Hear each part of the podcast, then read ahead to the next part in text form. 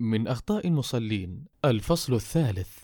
نستكمل حديثنا عن أخطاء بعض المصلين.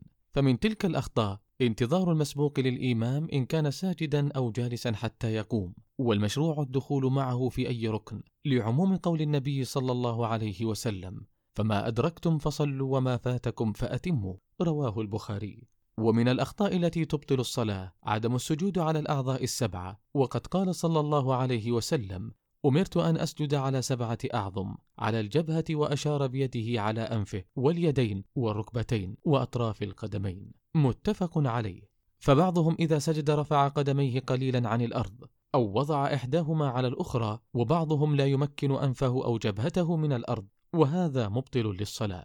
ومن الأخطاء في السجود أن يلصق ذراعيه بالأرض وقد نهى النبي صلى الله عليه وسلم عن ذلك. قال اعتدلوا في السجود ولا يبسط أحدكم ذراعيه انبساط الكلب. متفق عليه.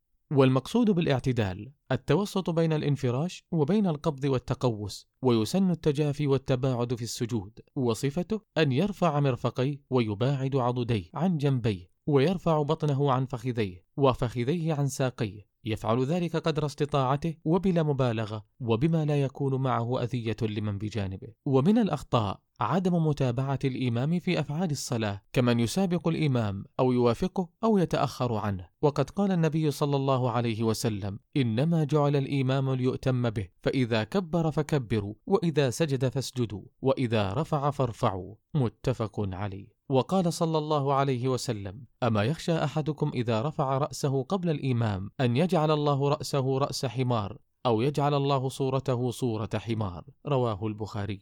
جعلنا الله من السالكين لدروب العلم النافع المستضيئين بنوره. نكتفي بهذا القدر ونكمل الحديث بمشيئة الله في اللقاء القادم.